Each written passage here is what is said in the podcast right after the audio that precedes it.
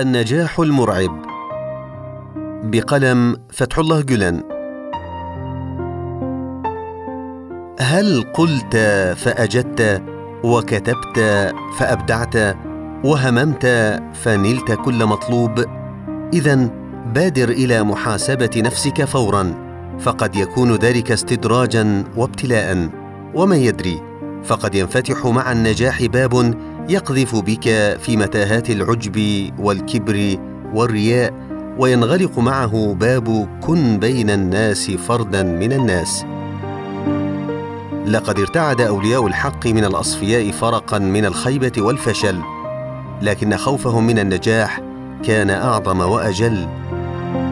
زرعوا الأرض وعملوا ليل نهار فما إن اخضرت وأثمرت وطابت حتى أسرعوا يبكون وراحوا يحاسبون أنفسهم وقالوا وهم وجلون ماذا جنينا على أنفسنا حتى اهتزت الأرض وربت وأنبتت وزينت؟